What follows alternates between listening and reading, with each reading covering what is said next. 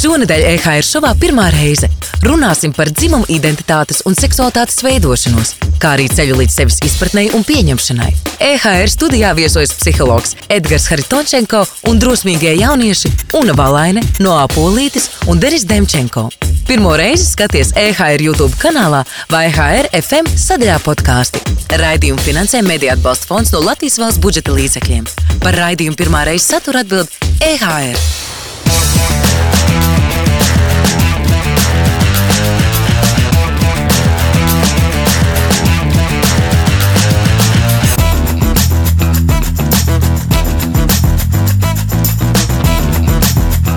Jau atkal mēs tiekamies raidījumā pirmā reize, kur mēs runājam par visām tām pirmajām reizēm, kuras mēs nekad neaizmirsīsim.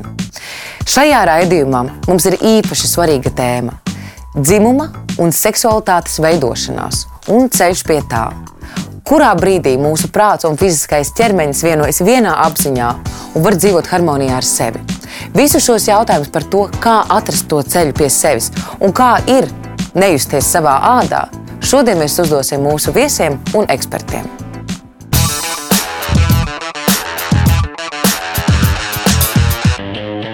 Šodien mums EHR studijā viesojas mans draugs, mūsu eksperts, psihologs un jaunais mājokļu jautājumu veidotājs Edgars Haritončenko.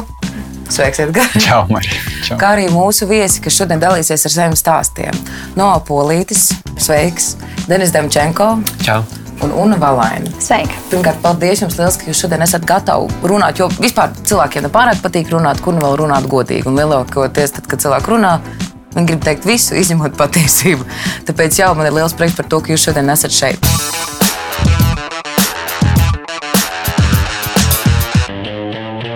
Man it kā nekad nav bijusi problēma ar savu dzimumu identitāti un seksualitāti. Tomēr ļoti, ļoti ilgus gadus es esmu pavadījusi nosacītās mocībās un pārdzīvojumos par to, ka manā galvā nesagāja kopā tas fakts, ka es esmu liberāli, bet es neesmu nec biseksuāli, nec lesbieta.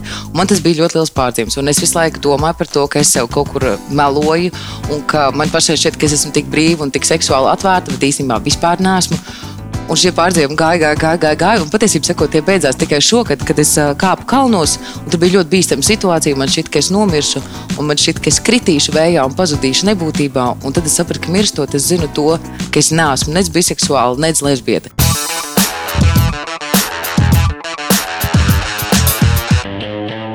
Tad, tad dzimuma identitāte, cik tā ir svarīga un liela lieta mūsu dzīvēm? Protams, tā ir svarīga daļa, jo mēs visi esam pieraduši pie tā, ka mēs skatāmies uz dzimumu. Kas ir dzimums? Tas dzimums ir tas, ar ko mēs piedzimstam, un kas ir bioloģiski noteikts. Un tas arī ko pēc tam pasē mums ieraksta. Vai tu esi vīrietis, sieviete, bet uh, dzimuma identitāte, jeb uh, dzimtas identitāte, tas ir tas, uh, kas uh, veidojās mums un attīstās par tā sapratne, dziļa sapratne par to, kas es esmu, kā es sevi uh, identificēju. Vai vīrietis, vai sieviete, vai uh, starp, uh, starp, uh, starp uh, nebinārs. Uh, un, uh, Tā ir absolūti uh, svarīga, svarīga lieta, jo mēs uh, esam pieraduši, ka sabiedrība uzliek kaut, kādus, uh, kaut kādas gaidas, pienākumus, kā pret vienu, tā, tā pret otru dzimumu. Un tas ir tas, kā mēs arī iemācāmies ko mēs, kā mēs sevi prezentēsim, kā mēs sevi pasniegsim sabiedrībā, kādas būs mūsu tās izvēles, kas ir cieši saistīts ar dzimumu stereotipiem un dzimumu lomām. Un tad to varētu saukt par vissvarīgāko lietu mūsu dzīvē, kas mēs esam. Tas arī nosaka, kā, nezinu, kā mēs ģērbsimies, kā mēs runāsim, par ko mēs runāsim, kā mēs vadīsim savu dzīvi kas arī ir nedaudz muļķīgi. Kāpēc tam vajadzētu tik ļoti to noteikt? No viena aspekta tas ir nozīmīgi, jo mums vajag to uh, piederības sajūtu kaut kādu ka mēs piederam vienai vai otrai grupai, piederam arī sabiedrībai, bet no otras puses zem tā slēpjas ļoti daudz ierobežojušu faktoru par to, kā mēs, kādi mēs varam būt, kā mēs varam dzīvot, kā mēs varam baudīt kaut kādus procesus un kā mēs arī varam komunicēt ar ārpasauli.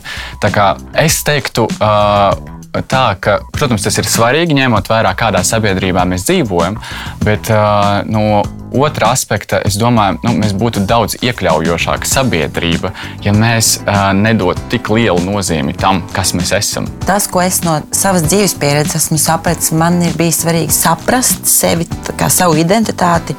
Un pašā sākumā man ir bijis svarīgi atrast tos terminus, kas attiecas uz mani, lai es varētu attiecīgi pirmkārt atrast savējos, līdzīgos, kaut vai iegūlējot, vai pajautājot citiem cilvēkiem tieši šo terminu konkrēto. Nu, manā gadījumā transpersona un nebinārs cilvēks par dzimumu identitāti, mm -hmm. dzimtas identitāti. Um, bet kaut kādā brīdī manā dzīvē ir pienācis tas moments, ka es vairs nevēlos ielikt sevi tajā termina rāmītī, It īpaši tāpēc, ka es esmu nebinārs. Man tāda sajūta ir, ka tas vairs nav tik daudz par to, ka tas ir vairāk sabiedrībai ir vajadzīgs nodefinēt. Lai viņi zinātu, uz ko viņi skatās, lai viņi nezinu, tur lācim var iedot nosaukumu. Viņi nevar vienkārši pieņemt, ka, ir kaut, ka tas ir kaut kas, kas notiek, bet viņiem vajag to definīciju. Cik liels tad plašs ir, cik daudz, cik daudz mēs varam nosaukt šīs identitātes.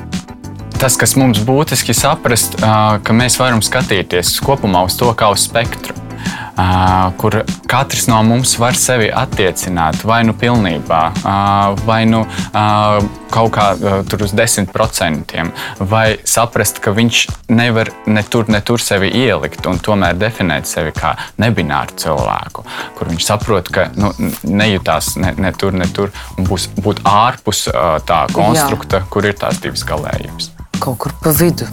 Hmm. Labi. Tad uzreiz man būs, protams, loģiski runājot par dzimumu identitāti. Nākamais jautājums ir, kas ir ķermeņa disforija? Dzimuma disforija tieši ir par to, kad mēs saprotam, ka mūsu dzimums nesakrīt ar mūsu dzimumu identitāti ka tā mūsu sajūta par to, kā mēs sevi uh, mm -hmm. sajūtam, uh, nesakrīt ar to uh, dzimumu, kas mums bija piešķirts uh, uh, bioloģiski, un tas, kas mums bija ierakstīts uh, dokumentos. Tas, uh, tā ir uh, diagnoze, uh, tā tiešām ir. Uh, tas ir tāds distress, uh, kurš ietekmē uh, cilvēka fu ikdienas funkcionēšanu, un arī uh, kurš iet kopā arī ar citiem traucējumiem. Tās ir depresija, pašnāvības domas, gan arī paaugstināta trauksme. Tas ir tāds, nu, diezgan sarežģīts konstrukts, kur ietekmē vairākas dzīves jomas.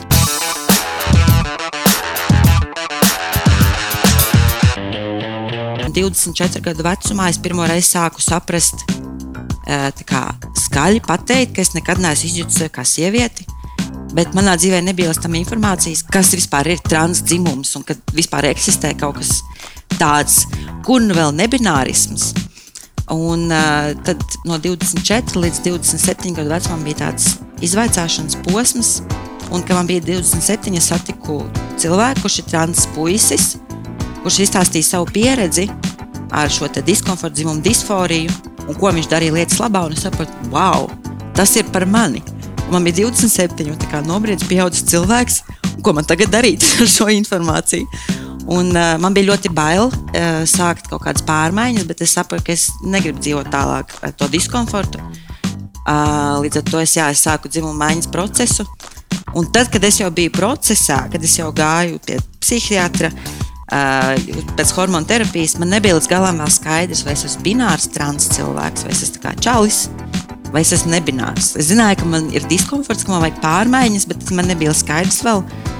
Un tagad, šobrīd man šķiet, es diezgan droši, ka es esmu nebinārs trans cilvēks, kas vairāk uz maskilu vīrišķo pusi.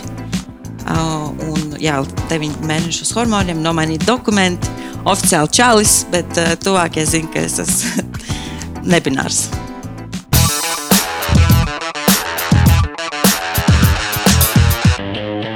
piemēram, fiziski tu kaut kā jūti arī to nu, diskomforta sajūšanu.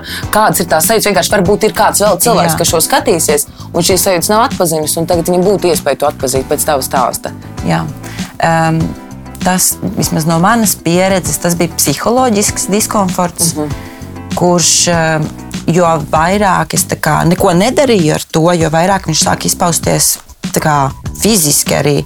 Es atceros, man sākās tiki, kā es raustījos no tā, no tā stresa. Un, uh, un tā kā fizioloģiski izjūta, kā es būtu kā, iesprostots ķermenī un netieku ārā, ka es gribu izlausties no sava ķermeņa, bet es to nevaru nekā izdarīt. Jo, nu, kā? kā es varu izdarīt to? Vienīgais ir nogalinot sevi, bet es negribu mirt, es gribu dzīvot. un, un tā tāda iesprostojuma sajūta. Un, uh, un savā dzīvē es sapratu, ka man, ka man vajadzēja hormonu terapiju, lai atvieglotu to, lai man mainītos balss, kļūtu zemāka, lai man pazustu mēnešu reizes, kas arī bija ļoti liels kā, stresa avots, kad ar manu ķermeni notiek lieta, kurai man psiholoģiski nevajadzētu tam notikt, bet tas bioloģiski notiek. Un, un tas, tas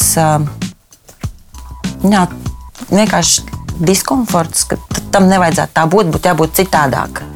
Un tad, kad es uzzināju to, kas ir trans, transpersonas un ka ir iespējas mainīt dzimumu, man tas pavērs par jaunu pasauli, iespējas dzīvot tālāk, komfortā ar sevi lielākā. Paldies, tev liels! Paldies! Jo man, tieši saku par to, tas ir arī, ko tu minēji.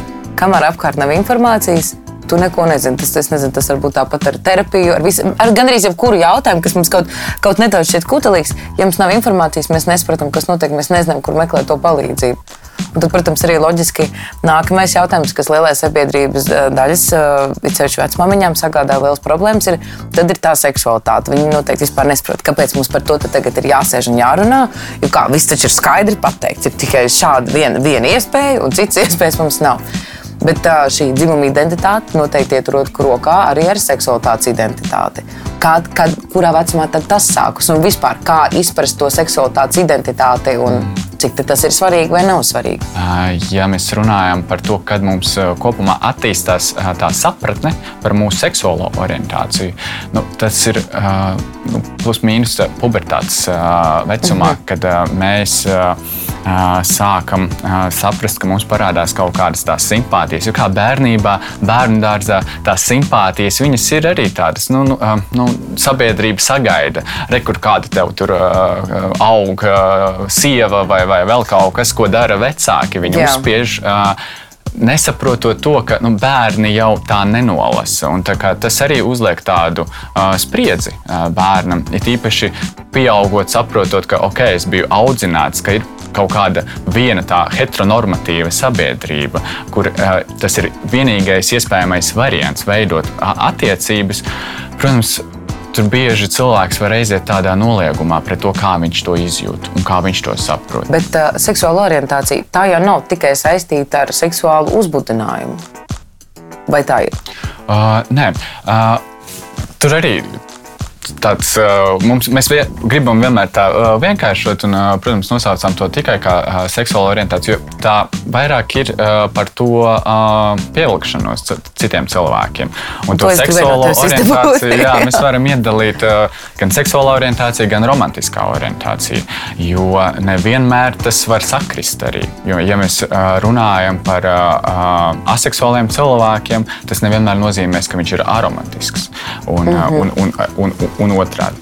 Un tas, tas arī ir svarīgi. Tur arī tas viss izdalās vēl, vēl, vēl, vēl, vēl uh, citos līmeņos, kas mums parāda to, ka tā sapratne mums par to, kas ir seksualitāte, ir tik maza. Uh, un, un mēs esam pieraduši to viegli definēt un saprast. Un brīžiem pat neuzdrošinamies pameklēt, paeksperimentēt, paskatīties, kā, kā, kā es varu justies, kādas tās kombinācijas var būt.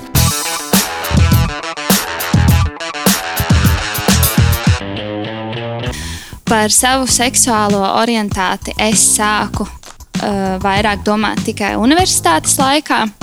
Es pārvācos uh, uz īriju, lai tur studētu. Un, um, pirmais jautājums, ko visi viens otram prasīja, ir, kas ir tava seksualitāte? Un tajā brīdī es pat mazliet apjuku, jo es reāli līdz tam laikam nezināju, ka tā ir opcija. Es, ne, es nezināju, ka es varu to izvēlēties. Tajā laikā es sāku vairāk par to domāt un sapratu to, ka īstenībā man vienmēr ir patikušas sievietes un vīrieši.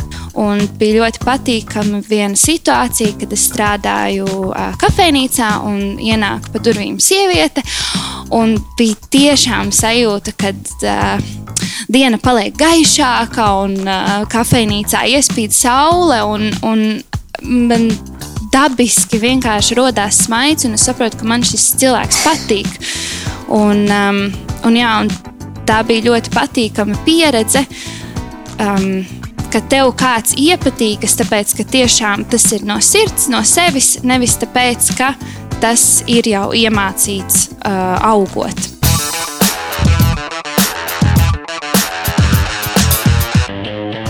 Jā, man šķiet, ka tas jau bija kaut kādos nu, 11 gados, kad tur kaut kādas tur tās uh, erotiskās spēles, tur Delfos, TVNetā. Oh, ir tā, ir, ir, jā, ir pieeja pie tām, bet, uh, un tad, nu, bet es nekad par to nedomāju, bet tagad skatoties atpakaļ, nu jā, kad, kad ir. Nu, ir bijusi tā dualitāte tajā manā, manā burbulī, bet līdz ko es esmu kaut kur sabiedrībā, nu nē, man ir tā kā ir vīrietis. Nu, tas, tas mainās. Tas ir plūstoši. Plūstoši, jā. Un, spektrā. spektrā, jā, jā. Un līdzīgi kā jūs teicāt par to, ka tā, tā ir tā. tā pievilkšanās, ka tu, nu, ir ļoti patīkami, kad var izslēgt to um, sabiedrības kaut kādu to normu, un ka tu tiešām sajūti to pievilkšanās spēku, kas tevi pievelk. Nevis tāpēc, ka tev kāds ir pateicis, ka tā vajadzētu būt. Nu, tad tu uzreiz nesīsi, tu neiet un nesaproti, ja es gribu šodien, es nezinu, piemēram, pārgulēt ar kādu, ah, es kur ieraugu pusi, no šī tur ir vīrieši, tā, to es izdzēšu laukā, tur ir viens,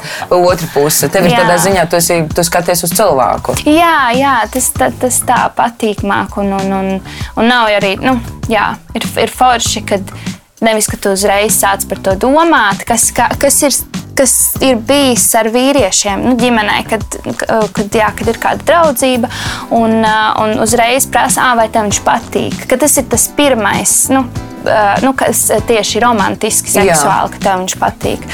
Un, un tad ir patīkami, ka tu to noliec malā un vienkārši iepazīsties. Un tad ir tā, tā um, simpātijas rodas, ka viņas rodās dabiski. Jā. Tas arī kaut kas interesants par to, ka tu saki par jautājumu par to, vai patīk. Tas uzreiz nozīmē to, ka tad sieviete ir vīrieti. Ja viņa ir heteroseksuāla, viņiem nedrīkst būt draudzība. Starp viņiem mm. drīkst eksistēt tikai romantiskā vai seksuāla satura attiecības. Kas ir funky?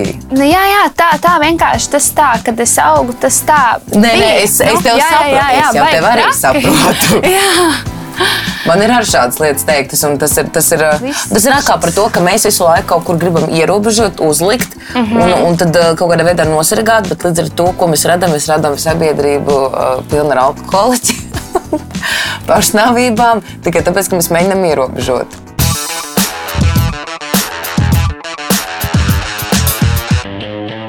Aptuveni 14 gados um, es iepazinos ar meiteni, Tās bija manas pirmās heteroseksuālās attiecības, bet um, tajā laikā tās attiecības diezgan ilgi nebija. Mēs uh, izšķīrāmies, un es arī sapratu laika gaitā, ka kaut kas nav ar mani kārtībā pēc sabiedrības uh, uzskatiem. Un, uh, tad arī notika manis meklējumi, un uh, es sapratu to, ka laikam es tomēr um, esmu gejs. Man arī bija grūti gadu laikos kā, saprast, vai es tomēr esmu vai nē.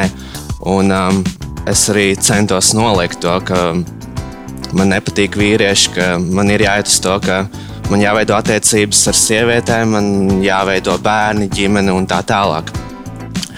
Bet uh, tad notika tas, ka es pirmo reizi iepazinos ar puisi, un tas pavēra visu manu pasauli, visu manu domāšanu pavisam citādāk. Es sapratu, ka es esmu beidzot laimīgs. Un, uh, Gadiem ejot, man bija grūti sevi, protams, pieņemt. Man bija grūti pieņemt to, ka es varbūt esmu atšķirīgāks un tā tālāk. Bet um, galvenā, galvenā doma tam visam ir tā, ka es esmu laimīgs un es varu dzīvot tādu dzīvi, par kuru es vienmēr esmu sapņojis. Tāpēc arī tagad es ar prieku un lepnumu varu teikt, ka jā, es esmu gejs un katru rītu pamostoties uz spoguli arī savu varu pateikt, jā, es esmu gejs, man patīk vīrieši un mīlestība ir mīlestība. Tāpēc uh, es arī gribu citus iedvesmot, uh, nebaidīties vienkārši būt tas, kas tu esi.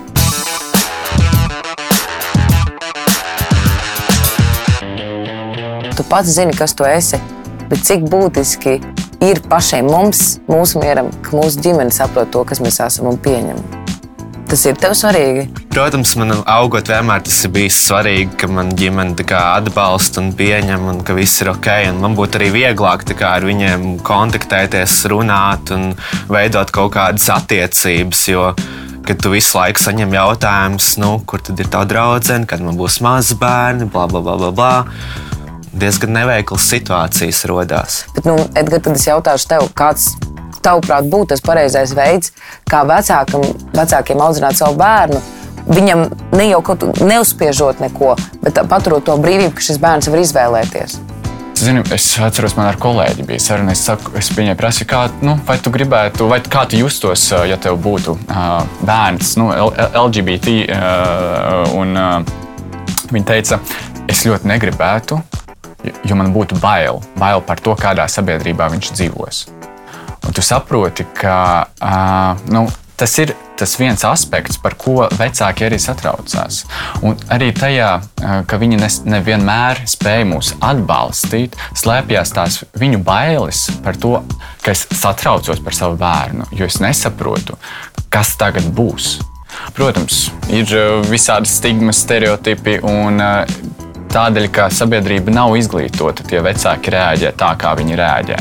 Mēs nevaram mainīt to realitāti. Mums ir kaut kādā veidā jācīnās un, un, un jāskaidro. Un biežāk es dzirdu par to, ka cilvēki, kuri atklājās saviem vecākiem, saka par to, ka viņi mierina, tur, mēģina atbalstīt vecākus kopumā tā ne, nebūtu jābūt. Būtu jābūt tā, ka tie vecāki palīdz, atbalsta, Jā. rada to iekļaujošo vidi, pieņemošu vidi. Jo nu, jautājums ir viens, nu, kāda ir jums starpība? Kas, vai, vai jūs mīlat savu bērnu vai nē? Un kā tas mainīs to, ka jūs mīlēsiet vai nemīlēsiet savu bērnu? Man ļoti patīk divas lietas, kuras es sadzirdēju tevi, tevi sakot, ka pirmā lieta, visu laiku mēs tomēr atnākam pie tā, ka nav informācijas, nav izglītotības. Tā tad vēlreiz tikai var secināt to, skolās ir par to jārunā. Visur ir jābūt informācijai par to, ārstiem par to ir jārunā. Konstant, un es īstenībā uzskatu, ka ģimenes ārstam par to ir jārunā un jājautā. Un otra lieta ka ka mums arī vajag citreiz padomāt par to, kā tie vecāki jūtas, cik tas viņiem var būt šokējoši un kā to sarunu veidot. Jo tas ir tas, ko piemēram, es sev visu laiku atgādinu, ka mūsu vecāki ir tikai cilvēki. Mm. Un man liekas, arī ļoti interesants tas aspekts par tām bailēm, ko tu stāstīji. Kad vecāki īstenībā ļoti bieži baidās, ka viņi grib to bērnu pasargāt, viņi to nemāķi konkrēti izstāstīt. Un man šķiet, tas laikam vēl viens padoms, ja tu esi izlēms runāt ar saviem vecākiem par to, būtu viņam pateikt, ka man viss būs kārtībā, ka es esmu drošībā. Jo tas, laikam, ir tas, par ko es vairāk satraucos. Jā, jā, jo tas ir tas, kas bieži nu, tās bailes tiem vecākiem liek uh, uzvesties destruktīvi, nesaprotot to. Viņi domā, ka tā viņi pasargās, bet uh, viņi izdara vēl trakāk. Un, jā, un tas ir jautājums arī par to, ka mums pietrūkst arī tas atbalsts, sociālais atbalsts vecākiem. Nu, būtu Jā. jābūt arī grupām, kuras atbalsta, kur viņi var atnākt, padalīties un kur viņus var iedvesmot. Jo nu, tagad, paldies Dievam, LGBT organizācijas jauniešiem palīdz atrast to atbalstu un atrast arī cilvēkus, kuri saskarās ar līdzīgiem pārdzīvojumiem, izaicinājumiem. Un tad tas, uz ko mums būtu jāiet tālāk, arī vecāki, lai mēs varam atbalstīt tos vecākus un uh, lai viņi var atnākt, padalīties ar savām bailēm, ar, ar, ar nedrošībām. Principā mēs varētu runāt arī par atbalstu grupām vecākiem, Jā. kur uzzina šo informāciju. Mm. Tā, šito lūdzu. Es uz tevi attiecu, cik, cik, cik, cik šito pierakstīt, un tagad lūdzu, it sevišķi, it sevišķi mazpilsētās, mm. taisam šīs atbalsta grupas. Wow. Es nevaru ļoti patīk šī saruna. Es esmu tik priecīga, ka mēs par to runājam. Jo tas man ir mūžsinājums jautājums, ko darīt jaunietim. Kā viņam būt, kā viņam uzsākt to ceļu pie sevis.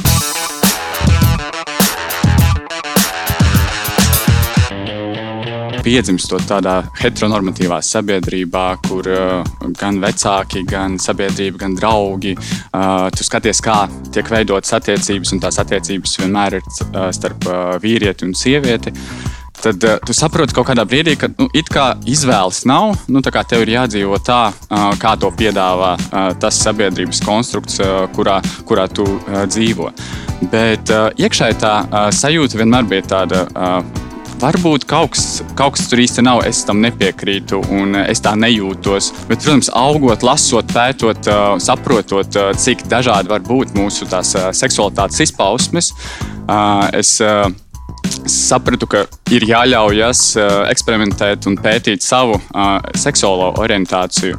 Un vienmēr, kad man prasa kāds no cilvēkiem, nu, kas tu esi, tu vari sevi nosaukt, man vienmēr tā sajūta, ka man kārtējo reizi mēģina ielikt kaut kādā plauktiņā, kaut kādā kastītē. Un es saku, nu, ja jums tā būs ērtāk kaut kādā veidā mani uh, definēt, manu seksualitāti, es varu pateikt, ka esmu gejs, bet uh, es absolūti esmu pret kaut kādām tām uh, nu, ierobežojušiem uh, rāmjiem.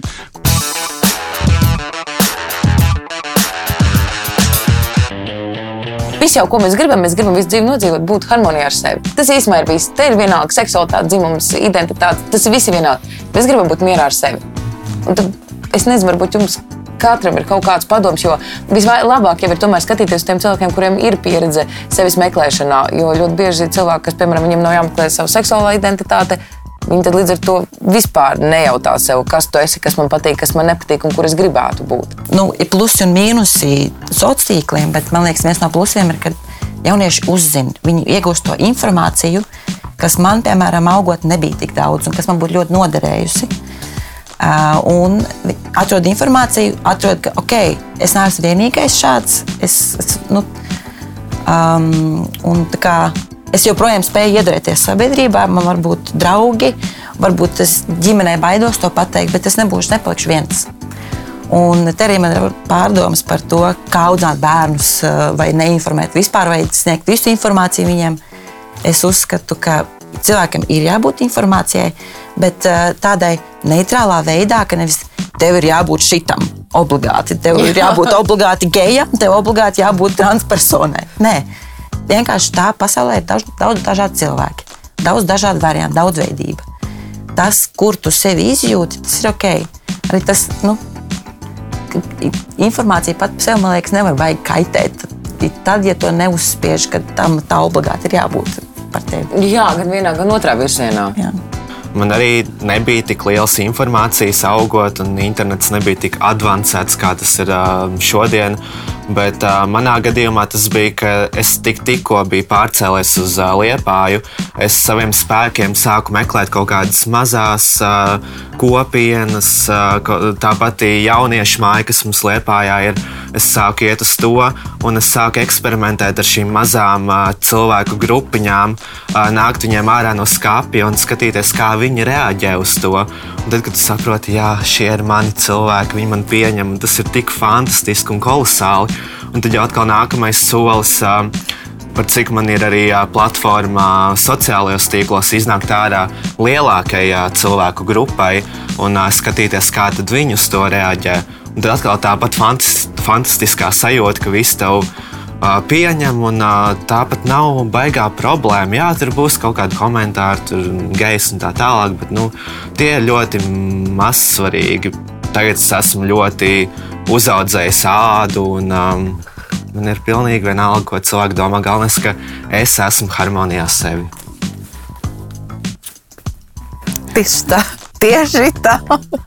Un, Un jā, nu, ne, nebaidīties runāt gan pašam ar sevi, gan arī ar tiem līdzcilvēkiem. Jo es atceros to savu pirmo sarunu, kad es izdomāju, ka, nu, kad man ir nepieciešams to kādam izteikt skaļi, es teikšu savai dzīves, pie, eh, nevis dzīves biedrenei, bet uh, mājas biedrenei. Un, uh, un es biju ļoti sabijusies no, no tās situācijas, un šausmīgi stostījos un garos ievadu vārdus, gatavoju un stāstīju. Un, un es, kad pateicu, viņa, viņa sāka smieties. Viņa teica, ka tev kaut kāda slimība, ka tu brauc uz Latviju atpakaļ. Un, un kad viņa tik viegli to uztver, tad ah, man liekas, ka es arī kaut kur tajā spēlēju skalā esmu. Tā kā viss ok, ko tēdīs vakariņās. Nu, kad, um, jā, kad tu jau nezini, kāda tā reakcija būs, un varbūt tās um, nu, nebaidīties un, ce un, un cerēt uz to, to kaut kādu to sapratni. Es uh, gribētu arī pievienot to, ka nu, ņemot vērā, ka mums uh, iztrūkst uh, seksuālā izglītība skolās, uh, tomēr uh, vecākiem būt atbildīgiem šajā jautājumā un saprast, ka viņi uh, ir atbildīgi par to, uh, ka bērnam uh, būtu ja arī jāiedarās sabiedrībā kaut kā un saprast. Uh, sākt, vecākiem būtu jāsāk ar savu uh, seksuālu izglītošanu, lai pēc tam spētu atbalstīt bērnu. Tas tiešām nav par to, lai tur viņam kaut ko uzspiestu un rādītu un mēģinātu, nu, vai kopā pameklēsim. Uh, nē, vienkārši ļaut viņam uh, plašāk, arī audzinot, plašāk skatīties uz to, ka nu, tas nav tā nosacīts. Arī uh, tur nezinu, ja uh, tā ir heteronormatīva ģimene, uh, kur ir sieviete un vīrietis, paskaidrot, ka uh, ir arī citas. Uh, mēs esam, jā, tavs mamma un tēvs, mēs esam tāda ģimene, bet ir arī citas ģimenes. Tas uh, nenozīmē, ka tas ir viens vienīgais kaut kāds variants. Uh, nu, un, pusauģiem cilvēkiem, jauniešiem, kas ir saskārušies ar tādu nu, savas identitātes meklējumiem. Nu, es iesa, ja nav tā drošība mājās, nav tā drošā vide un ir kaut kādas bailes sākt ar tādām nu, um, LGBT kopienām. kopienām. Jā. Meklēt to atbalstu, jo ir jāsāk ar to iedrošinājumu, nu, saprast.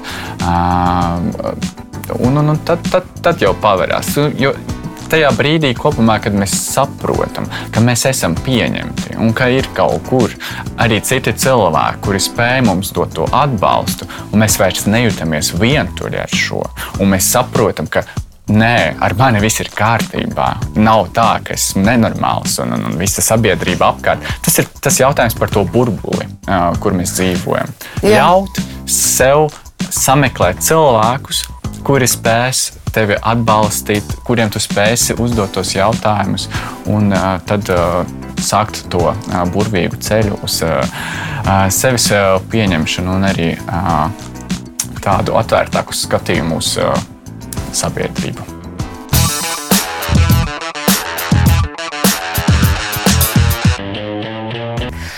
Šodien pie mums raidījumā pirmā reize ciemojās eksperts, psihologs un mans mīļš draugs Edgars Haritončenko, kā arī mūsu viesi Una Valēne, Denis Demčenko un Noā Polītis. Skaties un meklē mūsu YouTube, Instagram, TikTokā, EHR lapā, Spotify. Var sekoties, kā jau es vienmēr saku, kas meklē, tas atrod. Bet galvenais - pieslēdzies. Esi gudrs, esi mīļš un skauju. Tiekamies atā!